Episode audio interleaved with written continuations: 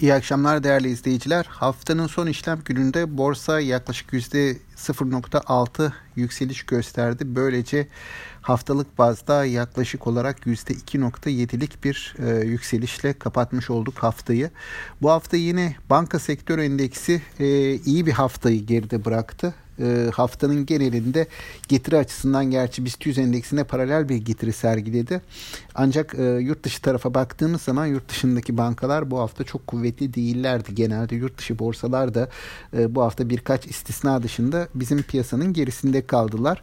E, piyasada son günlerde e, ekonomi cephesinde atılan adımların başarılı olacağını olan bir güven e, söz konusu.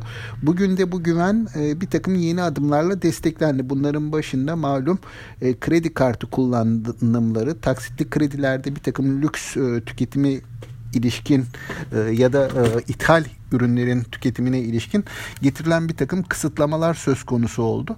Bunlar e, muhtemelen piyasa tarafından cari açığın toparlanmasına, e, tüketim harcamalarının azalmasına, ithalata dönük tüketimin özellikle azalmasına ve TL'ye destek verecek uygulamalar olarak kabul gördü diye düşünüyorum. E, neticede e, kur tarafında bunların olumlu etkileri olacağı beklentisi hakim olunca ki e, kurda da son iki gündür TL'nin değer kazandığını gördük. Bunun banka hisselerine genel olarak da borsaya olumlu etkileri olduğunu söylemek mümkün. Ayrıca şu son iki gün içerisinde CDS biriminin hızlı bir geri çekilme yaşadığını ki 350 bas puanın altına geldi. Mart ayı başından beri ilk defa 350 bas puanın altını test ediyoruz. Aynı şekilde bugün e, özellikle tahvil faizinde 10 yıllık tahvil faizinde olumlu bir e, gelişme vardı. 10 yıllık tahvil faizi bir süredir 13,5 seviyelerindeydi. Birkaç gündür aşağı gelerek 13'ün e, altına geldi o da. 12.89 seviyelerinde bugün.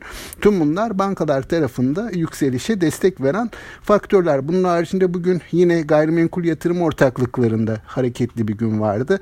E, havacılık sektöründe nispeten e, hareketli bir gün vardı. Bazı oto şirketlerinde, otomotiv sektörü şirketlerinde hareketli bir gün gördük. Ve böylece endeks yeni bir rekor kırarak ilk defa 1400 puanın üzerinde bir kapanış gerçekleşmiş gerçekleştirmiş oldu. E, kapanış rekoruyla da haftayı kapatıyoruz. Önümüzdeki haftanın gündemi Merkez Bankası'nın faiz kararı olacak. Hafta başından itibaren piyasa bunu fiyatlamaya çalışacak. Buna ilişkin beklentiler şu anda olumlu. Piyasa olumlu e, kuru üzerinde TL'yi destekleyici bir karar çıkacağını fiyatlıyor. Bu yönde bir gelişme olursa e, belki kısa bir e, kar realizasyonunda görebiliriz ama orta vadede yön yukarı olacaktır denebilir. E, dolayısıyla gelecek hafta yurt dışı piyasalarda eğer destek verirse ve e, piyasanın beklentilerine paralel bir faiz politikası, faiz kararı çıkarsa piyasa yukarı yönünü koruyacaktır diye düşünüyorum. E, iyi haftalar diliyorum tüm izleyicilere. Yeniden görüşmek dileğiyle. Hoşçakalın.